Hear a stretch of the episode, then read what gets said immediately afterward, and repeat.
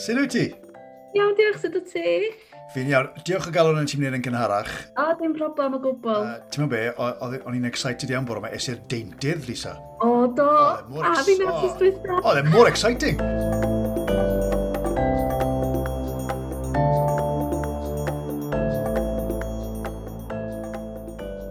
Reit, wel, croeso i cymeriadau Cymru ac i Lisa Eirgain Taylor. Fi'n offer yna. Nawr, Lisa, ti'n artist neu arlunydd.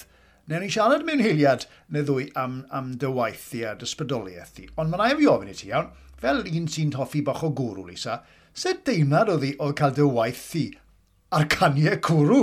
Oedd o deimlad really cool. O'n i'n i lan, a mae'n blasu ni sefyd sydd yn...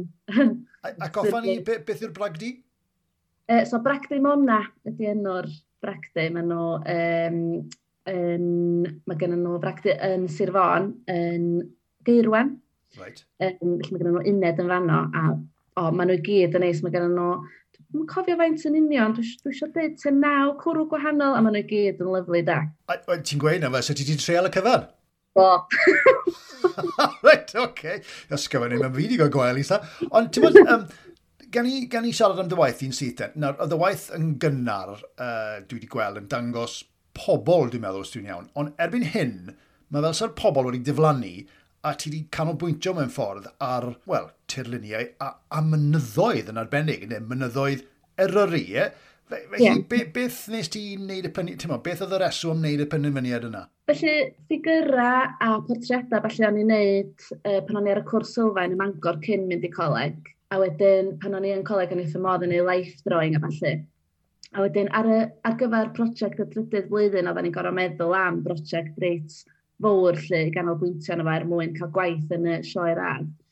A wedyn, yn Llundain o'n i, wedyn o'n i'n on i colli adro dipyn go lew, really, a colli just natur a a'r mynyddodd mwy nag o'n i wedi feddwl fyswn i. Really. A wedyn nes i ddechrau meddwl am farddoniaeth Cymraeg a falle, a gweld bod lot o'r beirdd ers dalwm yn dweud bod ni'n dod yn rhan o'r mynyddodd pan da ni'n marw, a Caradog Pritchard hefyd yn un o sylwaluad oh, right. yn dweud bod i fam o yn frenhines yr wyddfa. Um, wedyn o'n i'n gweld o'n gweithio dda gan bo fi licio wneud y ffigurau yma, bod fi'n gallu cyfuno nhw i wneud, i ddangos y cariad sgynnon ni fel Cymru at y tirlun lle, a bod ni yn rhan ohono fo. Yeah. Um, A dwi'n meddwl ath amser ymlaen, dwi'n meddwl nes i ddechrau meddwl wedyn ar ôl dod adra. Ie, jyst meddwl mwy am natur a bod ni angen gwarchod beth sgenon ni cyn iddi fynd rhy hwyr. Um, a wedyn ddoth y gola yma yn fwy pwysig rili really, na'r cyrff. So y gola di'r canolbwynt y llun mewn ffordd. Ie, yeah, um, yeah. Felly, ti'n ti, ti gweud mae'n mae golau mynyddoedd, ond amser ni'n edrych ar, ar, ar, ar, ar, ar, ar dy waith ti, gwaith real yw e, neu gwaith dychmygol yw e? Um, felly dwi'n gwneud mix o'r ddau mewn ffordd, so dwi'n licio neu llefydd dychmygol, um, achos dwi'n licio peidio dilyn sketch neu lun, rili, a jyst gadael i'r llun lifo o'r cof mewn ffordd, um, a dwi'n gweld na chydig bach mwy organic a chydig bach mwy cyffroes pan dwi'n gwneud hynny. Um, a dwi'n licio'r syniad bod chi methu mynd i'r lle yma go iawn, bod o'n rhywle dychmygol, ffantasiol, rhywle fedrwch chi literally ddianc iddo falle o'r byd go iawn. Yeah, um, yeah Ond dwi hefyd yn licio gwneud llefydd penodol a reid rhyw spin fy hun arno fo lle. A mae o'n chydig bach mwy o sialens hefyd gwneud rhywle penodol. O, oh, just... dyna rhywbeth ti'n gweud y beth penodol. Hynny, se, se, se rhywun yn dod ato ti yn gweud, Lisa, dwi eisiau ti wneud portread o yr olygfa yma sy'n ti allan yn hi, a mm. mae'n ambell i beilon, neu mae'n ambell i weiren, neu ambell i lwybr, neu be bynnag. Yeah. Beth sy'n ti'n ffyna hwnna am fwy o sialen hynny, uh, dweud? Cwestiwn, swn i'n deud mod i'n mynd i... Swn i'n anwybyddu y peiliona a bob dim sydd wedi cael ei gwneud gan ddyn, bob dim man med, swn i'n ignorio hynny, achos dwi efo'r syniad yma bod eisiau gwneud yr, yr olygfa yn byr ac yn dawel a bod na ddim effaith dyn wedi cael effaith ar y tirlun lle cyn i ddyn ddifetha'r byd mewn ffordd. Yeah. Felly maen nhw fatha bod nhw'n bodoli yn y gorffennol pell lle, so dwi'n yeah. neud yn siŵr bod mae pobl yn dallt. Mae hyd yn oed hwnna i fi yn swnio fel challenge, hynny yw bod ti'n goffod llwyr ymroi dy hun a mewn ffordd ymgolli dy hun yn y broses. Ti'n amser ti yn peintio, reit? A meddeiau mm. fi am swnio mor dwp yn un, ond on ti yn dy studio, wyt ti yn llwyr ymgolli'n dy hun ac yn y, yn y darlun, neu wyt ti'n ti ymwybodol o bethau ar y gwmpas ti? Um, mae'n rili really rhyfedd, achos mae amser mynd mor sydyn pan dwi'n peintio. Mae'r mae fatha bod, bod fi'n sownd yn rhyw fyd bach arall a dwi'n just canolbwyntio ar y llun a mae rhywbeth reit braf bod gen o fi'r dihangfa yna mewn ffordd yeah. yn deud, o, ie, dwi'n mynd i fewn i ryw fybl bach. Yn enwedig pan dwi'n gweithio teg at arddangosfa a mae gen i lot o waith yn ei, dwi'n dwi fatha bod fi'n fforsio fy hun. Oh, okay. I just, dwi'n fatha bod fi ar blaned arall.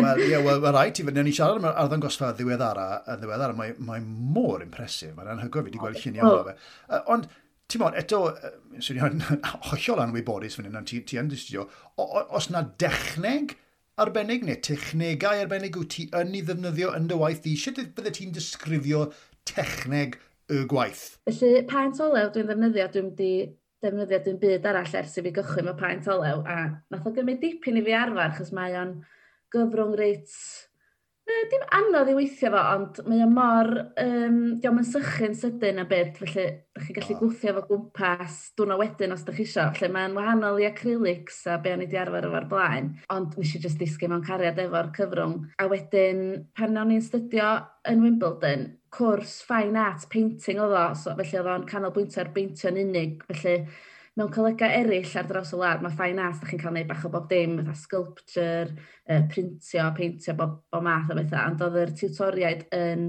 beintwyr proffesiynol, felly oedden nhw'n, oedden ni jyst yn canolbwyntio ar peintio. Really. Right. Um, ond mi oedd na gwrs printio yna hefyd, felly nes i ofyn i'r technegydd os bysa hi jyst yn dangos i fi chydig o um, ffyrdd o wneud printio, a nath i ddangos i mi sydd wedi gwneud line o cut printing um, a nes i rili really enjoio hwnnw. Ac nes i um, benderfynu cyfuno rili'r really, techneg yna wedyn efo'r peintio ar y canfas sydd chydig bach yn wahanol rili. Really. Um, ond o'n i rili really licio'r effaith oedd y line o cuts printio'n ei greu achos oedd o'n reid rhyw wead creigiog rili. Really um, felly oedd o'n cyfleu'r mynyddodd na i'r dim oedd o'n gweithio dda. Oh, okay. Dwi'n iwsio'r paent olew reit denna, um, reit soft lle, felly mae'r gwead crigog ma yn rili really sefyll allan ac yn cyferbynnu'n dda efo yr gwead llyfn, yr, yr paent sy'n y cefndir lle. Felly dwi wedi sticio i'r cyfrwng yna jyst i datblygu fo. A mae fatha rhyw fformula bach dwi wedi greu fy hun, really, lle dwi, mae'r rhyw lais yn ymhen i wan jyst yn dweud fi be'n neud. Ydyn, Ie, mae'n gweithio dda. Okay, Wel, mae hwnna'n yn swnio'n arallfydol. Ond beth am y canfa? Ti'n sôn am y canfa. Ti'n ti neud y canvases, hynny yw, ti'n adeiladu'r canvases dy hun, a dibynnu ar y gwaith, ie, os na'r fath, os na'n dechneg yeah. arbennig i hwnnw? Um, ie, yeah, felly mae fy nhad mae o yn um, wych efo gwaith coed o falle, a wedyn ar ôl graddio nath o benderfynu rhoi go arni i wneud y canvases yma, lle fod sy'n gwneud heini efo llaw i mi lle, wedyn oh, dwi wedi gorau reid y mesuriadau swn i'n licio um, neu mae'r cwsmer ar gyfer comisiwn yn dewis pa seis fysa nhw'n licio, neu ar gyfer arddangosfa, dwi'n neud yn siŵr bod yr seis y canfas yn ffitio'n dda ar y wal lle bynnag mae'n mynd i fynd. Wedyn mae hynny'n handi ofnadwy mod i'n gallu deud oedd dat bosio fo gwmpas i ddeud pa, pa fesuriadau dwi isio pechod. na fo. Gan o'n i'n siarad am dy darau, gan, gan i fynd nôl i'r cychwyn y bethau, un o, o Ynys Môn wyt ti yn reiddiol, ie? Yeah. Cael Cymdefagu ar yr Ynys, mynd i'r ysgol ar yr Ynys, ie, sy'n ni'n meddwl.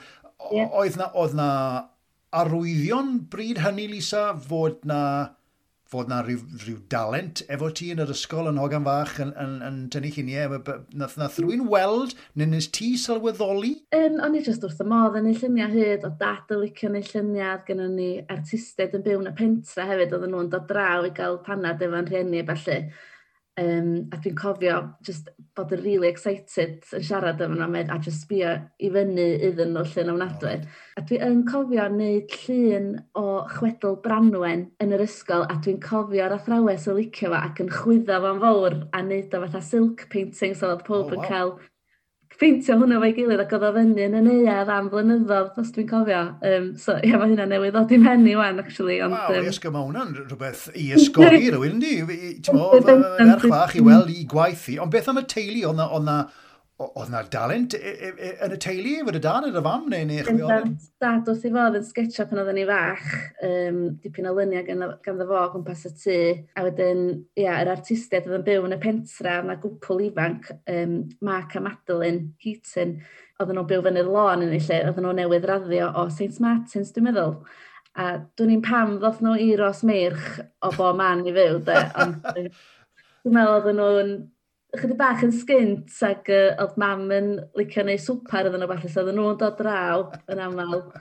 Um, ac oedd yn haid hefyd yn ofnadwy o dda efo'i ddwylo jyst yn gallu adeiladu bod math o bethau ac oedd o'n lluniadu lot hefyd, felly right. dwi'n ama bod y pobl yma i gyd wedi cael rhyw fath o dylanwad arna fi well, ac wrth gwrs yeah, yeah. athrawes dda yn yr ysgol hefyd oedd yn yeah um, pwysio neu jyst reid chydig o hyder yn achos dwi'n meddwl mae rhywun yn gallu codi hy, colli hyder mewn cael fel maen nhw'n mynd yn hun. Cos mae bob plentyn yn licio neu lluniad ydy, oh, a wedyn mae'n rhyw fath o bloc yn dod i bobl fel maen nhw'n mynd yn hun am ryw reswm. Yeah. Ond on, oedd na, oedd na rhywbeth arall oedd yn cymryd y fyd i betai ti ddim wedi mynd mewn i'r byd arlunio, o beth um, be, be, ti wedi hoffi wneud i betai?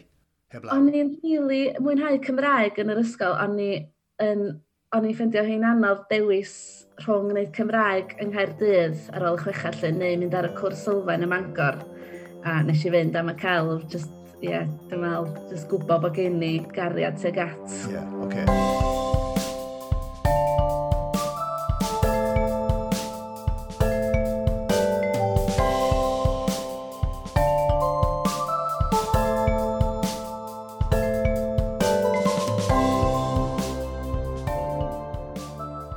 Sylfaen y Mangor, ie? Yeah? A wedyn yeah. mynd o Ysgob. Ynys Môn lawr i Lundain Bell, ie? Yeah? Nawr oedd hwnna. Yeah. Oedd hwnna'n hwnna jwmp a hanner, ddoe. Felly sy'n brofiad oedd hwnna. Yndas, ac o'n i yn eitha swyl o ran siarad Saesneg hefyd. Um, felly oedd o chydig bach yn scary, de. uh, ond dwi'n falch, oedd gen i lot o ffrindiau Saesneg ac oedden ni'n neud y crits a falle yn Saesneg ar y cwrs sylfaen, so oedd oedd dyri chydig o, twyd, right. pob i'n cyn mynd, lle, um, ond mi o'n i yn ofnadwy yn nerfus cyn mynd, ond nes i'n joio fo'n ofnadwy. A, a pa goleg oedd eto yn goffi lawr yn Wimbledon, ie? Um, ie, coleg cael Wimbledon oedd o, ie. Felly, um, o'n i'n byw yn yr unas a wedi'n trafeilio bob dydd, ac oedd o'n fynnad rili really, trafeilio gymaint, ond dwi'n falch bod fi wedi cael best of both mewn ffordd, oh, yeah, lle, so o'n i'n yeah. cael bod yn y ddinas a wedi'n trafeilio yeah. i ddylech bach distawach wedyn yn yr wsos, lle. A, a bod ti wedi bod lawr yn rhan yna o'r wlad y bethau, bod ti'n cael y cysylltiadau, bod ti wedi gweld fod yna, ti'n bod, mae yna fydoedd arall, mae yna ma lefydd arall i fynd. Ond, ti'n bod, um, nes ti, nes ti ar y coleg, a dwi'n deall chi'n iawn, nes ti'n syth mewn i gyrru ar ddangosfa, ti wedi cael ar ddangosfeidd, yeah. wel, ers gadael coleg, dwi'n meddwl, dwi'n siarad am hwn, e-, mae'n eiliad. Ond pa mor anodd yw i felly ti'n ti wedi graddio ers 2013-14, ie? Ie, ie. Pa mor anodd yw i felly i wneud bywoliaeth yn y byd mae wyt ti wedi ddewis? Ym Mhrydain yn gyffredinol ac yng mm. Nghymru? Mae'n anodd, de. Um, a pan ydych chi'n gadael coleg, mae rhywun pobl yn gofyn i chi, o beth ti'n dynnu yw'n lle? A ydych chi'n rili really gwybod beth i ddweud. Cos um, yn y coleg ydyn nhw ddim yn rili... Really um, cael chi'n barod ar gyfer y byd mawr. Dwi'n cofio oh, meddwl hynny. Oh, right. ri, oedden nhw'n dysgu chi beintio, ond oedden ni'n gwybod sut oedden ni fod i fynd yn self-employed, oedden ni'n really gwybod sut i ffra... oedden nhw'n really dangos i chi sut i fframio'r gwaith, mond peintio really oedden nhw'n ddangos yn ni. So, o'n i chydig bach yn ofyn pethau oeddech chi'n gorau dysgu ar hyd y ffordd mewn ffordd. Ond o'n i'n lwcus ofnadwy, chos mi fysa fe wedi bod yn tempting really i just ffendio joban arall a sticio i hynny, ond nes i ennill gwobr um, yn Llundan syth ar ôl graddio, a dwi'n meddwl nath hynny reid hyder i fi i sort of meddwl, hmm, okay. mae rai fi drio hyn o leia de, yeah. achos dwi'n meddwl bod o well trio rhywbeth a bod o ddim yn gweithio allan a peidio trio a difaru peidio, ddech chi'n gwybod fel. Ac oedd gen i rieni cefnogol hefyd oedd eisiau fi rei go iawn arni lle. Dyn, o'n i gweithio rhan amser mewn oriel y mangor a wedyn o'n i'n trio reid lot amser wedyn i fewn i'r peintio. A wedyn, yn ffodus iawn, nes i ennill gwobr arall yn bocs Caernarfon, e, galeri ar gyfer artistiaid ifanc oedd hwnnw.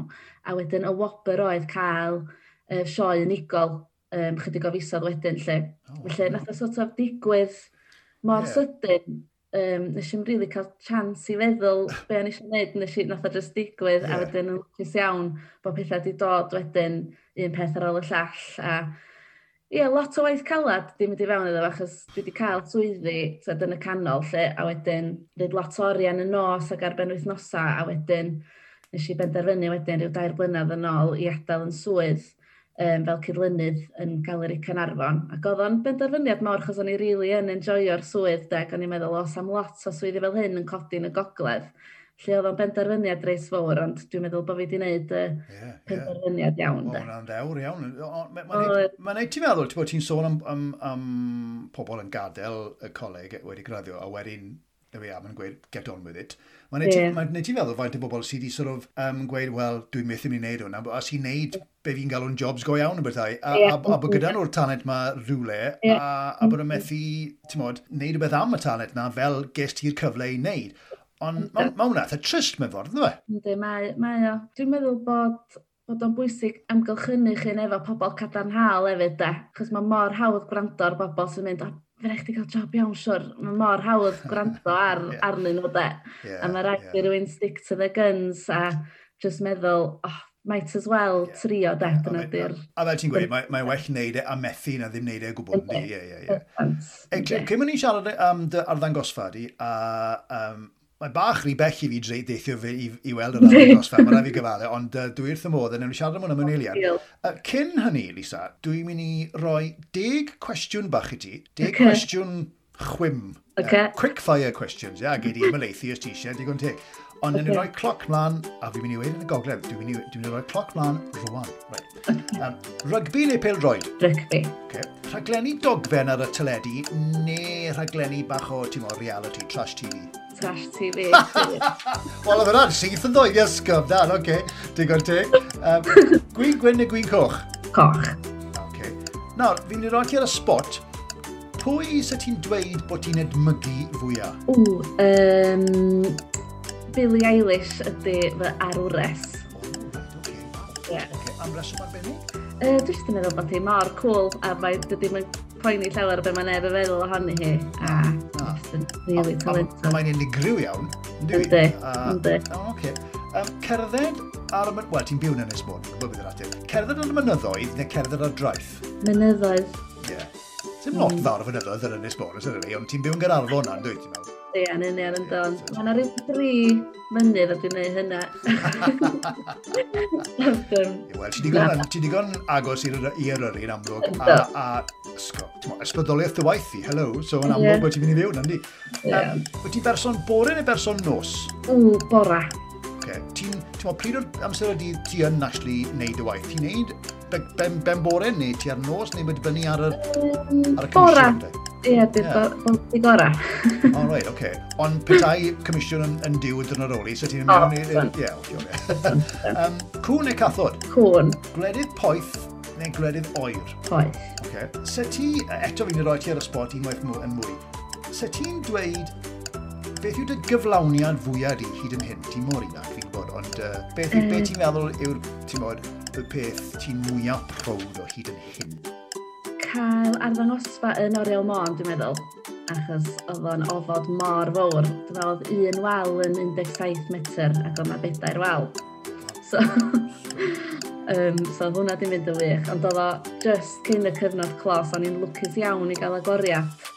Um, ond mi nath nhw gorfod, dim canslo, nath nhw ganslo am chydig, a dyn nath nhw ail agor o diwedd yr ha wedyn. Um, ond o'n i mor falch mod i wedi gallu cael agoriad o leia bod pobl ddim wedi mynd i weld y gwaith. Lle. Yeah, yeah. A, a newn ni siarad am eiliad ynglyn â, ti'n meddwl, mae yna ffyrdd eraill o weld y waith i hyn o bryd, wrth gwrs, gyda, gyda social media fath na. Ond y cwestiwn ola, Lisa, a cwestiwn bach ddigon gwirio mewn ffordd, ond pryd oedd y tro eitha nes ti ddawnsio? Ddoe. Wel, ti'n meddwl beth, fi'n gofyn y cwestiwn yma, bob tro, a fi'n meddwl, o, fi'n mynd i ddawnsio, ys misoedd, a mae pawb yn dweud, o, neithiwr, neu bore, yma, neu ysgol, really, beth sy'n bod â chi gyd? Dawnsio lle a pham? Uh, dwi'n meddwl yn y gygyn oedd ni, a wedyn oedd y music on, ond da ni wedi cael ci bach yn ddiweddar, a dyn do ddim yn dall be ni'n neud, ond o'ch chi ddechrau cyfar. O, o, o, Oce, wel da iawn, fi'n y gwrff, ti'n bod, yr ddelwedd yma, pa bod dawnsio ni cael gynnil yma'n anhygol. O, ie, wel, diolch ti'n mynd. Um, gan i symud ymlaen yn de i, i, i, sôn am yr arddon gosfeidd ma, um, yn gwybod, nes ti adael uh, brifysgol, a bron o bod yn syth, mm. ges ti, ges ti arddangosfa, yn dod mewn ffordd. Um, yeah. Mae ma, ma paratoi ar gyfer arddangosfa yn tipyn o beth, yn tipyn o sialens, mae tipyn o stres, yn ei meddwl, di? Mae o da, ynddi. Yeah. Um, Dwi'n mwyn gwybod beth ydi o, mae'n just, da chi'n teimlo'r pwysau fyd, da. A dwi'n berson sy'n poeni be mae pobl y feddwl ohono fi, os di fod yn onas, wedyn, mae mynd i agoriad mor, yn beth mor scary achos da chi jyst yn gweld pobl, da chi eich hun allan yna yn llythrenol, right. really. Okay. Ac mae jyst mor scary gweld pobl yn sbio ac um, da chi'n gwybod bod pethau'n mynd trwy meddyliau nhw a mae mor scary. A wedyn gennych chi jyst y deadline mawr ma'n enwedig os oes gennych chi ofod mawr a da chi'n gorfod llenwi'r waliau. Um, yeah, well, siw. Wel, gan i sôn am hwnna, achos mae'r ma, ma, ma arddangosfa ddiweddara, plas glyn y weddw, ie, yn llan yeah. bedrog? Ie, yeah, tu allan i bwlleli, um, right. ond mae o'n oh, oriel anhygoel da. Mae edrych fel capel, neu hen capel neu beth. Enw'r arddangosfa yw rhwng dyn a deiar, felly gweithio ni'n esbonio ni beth, beth sy'n tu ôl, beth sy'n tu ôl yr arddangosfa, sy'n cydi? Felly, rhwng dyn a dyar, oedd yn sioe blaetha fi yn Oriel Môn. Um, wedyn, y syniad oedd bod y frwydr rhwng dyn a dyar di cyrraedd rhyw bwynt tyngedfennol, really, um, lle mae bron a bod rhy hwyr yn ei wneud rhywbeth am y peth, ond bod y gola yn y lluniau yn dangos mod i'n teimlo'n obeithiol bod ni fatha pobl yn mynd i agor y llgadau a mynd i edrych ar ôl y byd a'n gilydd hefyd, achos oedd mae jyst, hollol upseta fi pan dwi'n gwachod yr dogfenna yma, just gweld sut da ni'n dyfetha'r byd, a da ni just angen sylwi beth gennym ni, a yn enwedig yng Ngogledd Cymru, mae'r lle mor hardd, a da ni mor lwcus i gael byw yma, ac yng Nghymru i gyd, ond mae yna rhywbeth amdan y lle yma sydd yn rili really twtio fi'n ynghalon de, a dwi just, dwi just eisiau pob sylwi bod ni angen gwerthorogi fo.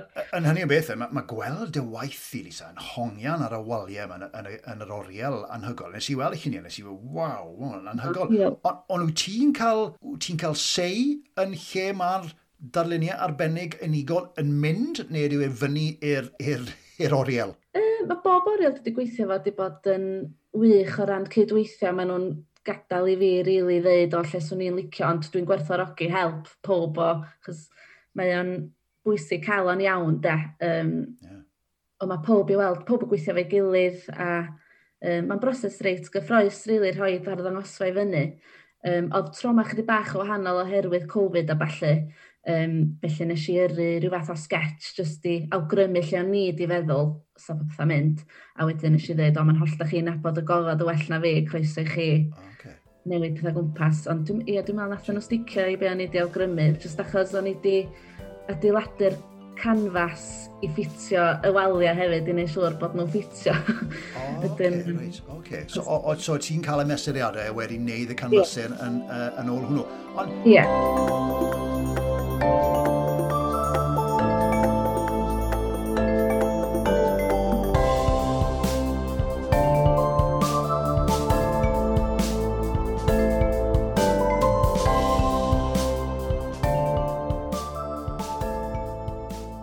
Sut mae'n gweithio ar un mewn amser, wel, normal, i dweud normal, amser mae bobl yn dod yr oriel, gweld y lluniau yma, ydy nhw'n dieddol o prynu there and then? neu ydyn nhw'n mynd o na ac yn, ac yn ffonio nôl ac yn, ac yn prynu bryd hynny bydau? Sut mae hwnna'n gweithio?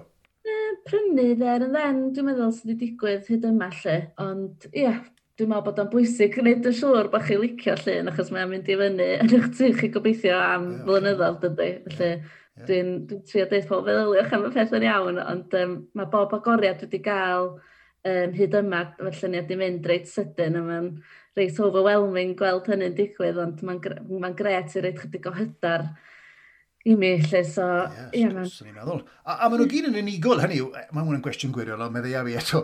Gwed bod, bod un darn a bod yn amlwg yn boblogaidd, ond mm. mae rhywun wedi prynu fe, that's it wedyn, ti'n mynd ail wneud hwnna wedyn. Ti'n mynd, hynny, once it's gone, it's gone. Yeah?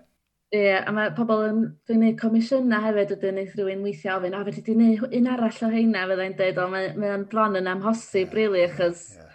mae o'n dibynnu lot ar siawn sy'n enwedig efo'r linocut printing. Dwi'n mynd rili really gwybod sut mae hwnna'n troi allan pan dwi'n tynnu fo ddi ar y canfas, felly mae'n impossible, really, oh, cael right. yn union y fath, beth bynnag, lle. Ond erbyn hyn, ti wedi symud mlaen yn bach ysdygu di, a ti yn neud Prince yn dweud oedd y waith. A, mm -hmm. a, a mae'n afio yn i ti, ti'n oedd hi'n benedfyniad, sy'n lle roi hyn, heb swnio'n nawddoglid iawn, ti'n ti, ti, ti amlwg yn dylentog, a mae gyda ti'r ti uh, challenge ma o wneud bywoliaeth mm allan o, o arlunio yn unig. Felly, a'i penderfyniad go neu naturiol neu cydwybodol oedd ehangu ac mm. arall gyfeirio a defnyddio dy waith i fel i newid sôn, ar caniau cwrw diwawyr a, a, mm. a llyfrau a dwi wedi gweld singles Alice a Clistoga a siocled iddyn nhw. Yeah, a, a mae'n yeah. ma, ma mor drawiadol, ond oedd hwnna yn benderfyniad eitha anodd i ti'n neud? Wyt ti'n gweld i hun yn neud fwy o hwnna yn y byd commercial o bethau? Um, oedd o'n benderfyniad anodd achos weithiau dwi'n cael pobl yn dweud, a fe rhaid chdi wneud coasters a cardiau felly, a dwi dda, o, dwi eisiau chwydu, fedra, dwi'n eisiau mynd lawr y lôn yna. O, mae'n berffaith iawn i pobl wneud yn enwedig os dyn nhw yn yeah. wneud installation a falle yn amlwg, ond fatha artist fine art, um, mae'n bwysig stick to your guns, really. Uh, felly mae print chydig bach yn commercial hefyd, ond dwi'n neud yn siŵr bod nhw yn limited edition, bod nhw ddim yn cael bod fi mond yn neud hyn, hyn a hyn ohonyn nhw a that's it wedyn lle. Um, chos dwi'n licio'r syniad bod yr un print yn gallu, bod chi'n gallu neud unlimited amount ohonyn nhw. Dwi'n rili really licio'r syniad na, yna. Na. Okay, um, yeah. Chydig bach mwy trysorus os da chi mond yn gwneud hyn a hyn lle. Um, a wedyn efo'r llyfrau a'r canu cwrw, mae hyn, hyn wedi bod yn bethau mor cool a wedi bod yn fraint ofnadwy cael bod ar hyn i lle. A mae just, chos mae o'n waith reit unig gweithio fel artist, a mae o'n really neis nice cael cydweithio efo pobl a cael ia, tîmio fyny efo cwmni neu unigolion eraill i greu rhywbeth newydd, dwi wrth y modd yeah. gwneud hynny. Yeah. Ni... Mae hwnna'n ddiddorol, ti'n gweud, yn, yn, yn fywyd unig, ti'n amlwg yn, yn, yn gweithio ar ben dy hun heb law amser mae dar yn dy fewn a paned i ti'n de. Wyt ti'n ffindio fe'n, ti'n ffindio fe'n, ti'n amlwg yn, yn hoffi cwmni dy hun, ond ti'n ffindio fe'n anodd yn, yn unig, wyt? Ynddo, chydig bach.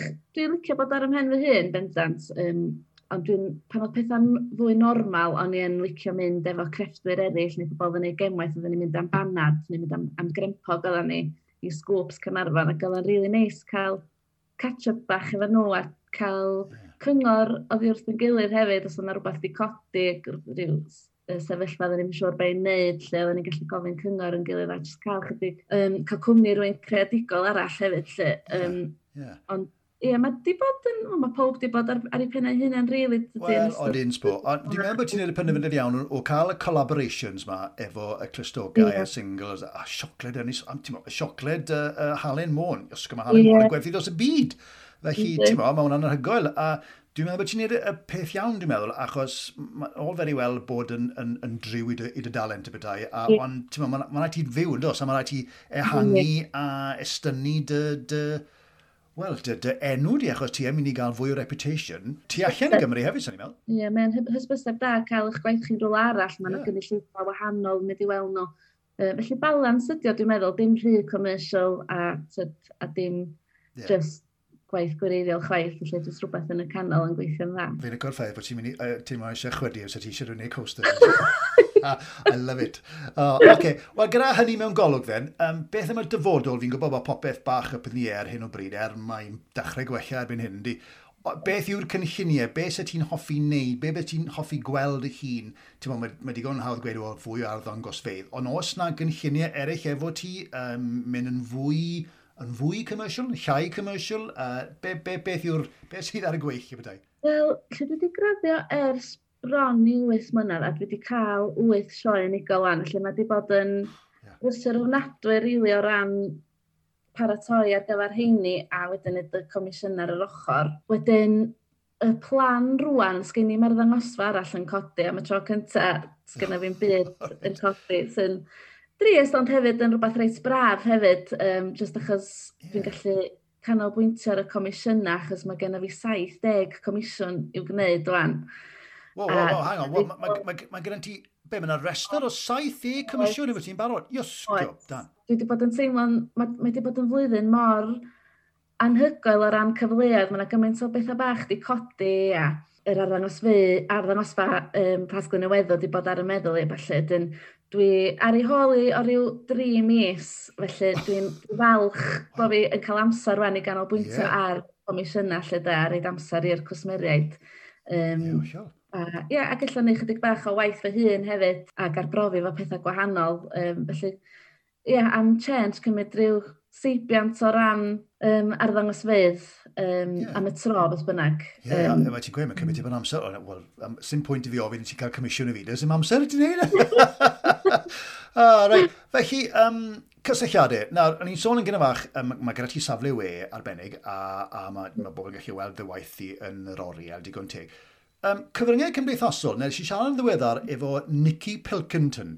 Ti'n yeah. ti nabod hi o, o, o, right. o, o, o ben llun. A mae hi, hmm. ti'n meddwl, mae'n amlwg yn hollol wahanol i dy waith i, fe bethau. ond mae hi'n defnyddio ti'n meddwl, Twitter ac Instagram yn arbennig i, i gwerthu gwaith, i hyrwyddo i gwaith. Wyt ti'n meddwl yeah. erbyn hyn, ti'n ti berson ifanc, ti'n amlwg yn defnyddio uh, cyfryngau cymdeithasol, bod y fath na o beth yn bwysig i gael dy enw di allan yna? Yndi, mae, mae o bendant yn help, de. Mae o'n blatfform gwych, bod chi, mae am ddim, um, da chi'n gallu cyrraedd gymaint o bobl, mae pob ar ei ffôn dyddi yma dydy. Yeah. A yndi mae'n ffordd briliant, dwi'n mynd licio reil fyna o um, gyfryngau cymdeithasol o ran iechyd meddwl pobl ifanc, felly dwi'n meddwl bod o'n bwysig i ddefnyddio fo'n iawn, lle da. Yeah, sure. Ond ar gyfer busnesau mae o'n wych, a mae o'n ffordd dda o ddod ar draws artistiaid eraill, neu o, jyst gwneud ffrindiau efo pobl yeah dros dy we a cael cyngor, mae'n bwysig siarad efo pobl sydd yn yr un un maes ac yn yr un un sefyllfa chi da. Dyn, mae wedi bod yn gret fel o hefyd. A wneud cyfoliadau ar gyfer porlediadau? Ie, ie, ie.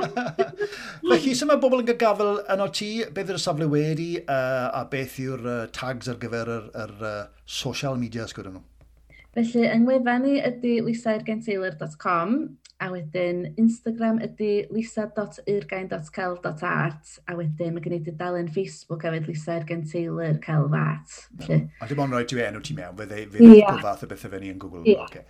Wel, diolch o galon ti, uh, diolch o galon ti am dorri bant o, o dy waith ti ti'n amlwg yn, yn ei chanol i fyna efo paint ar dy dysgwyr ti.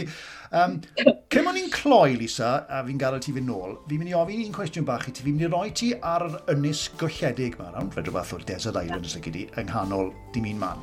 Snam plugs ar yr ynys, mae iawn? Ond beth yeah. yw'r un eitem foethus os lygu ti, fydde ti'n mynd i mynd efo ti? Uh, papur a pensel. Dwi'n cymryd papur a pensel. Oed, oed. Papur a pensel. Ie, yeah, oce. Okay. Ge, gyd i fynd na, easel a paint os ti eisiau. Ie, ie, ie. Bydde hwnna well? Nes di cyfer easel a pint, dwi'n meddwl, ie. Na fe, a gei di ddigon amser yr ynnes ma i orffen yr 70 comisiwn ma. Ie, yeah. yes, a hynny reit braf, dwi'n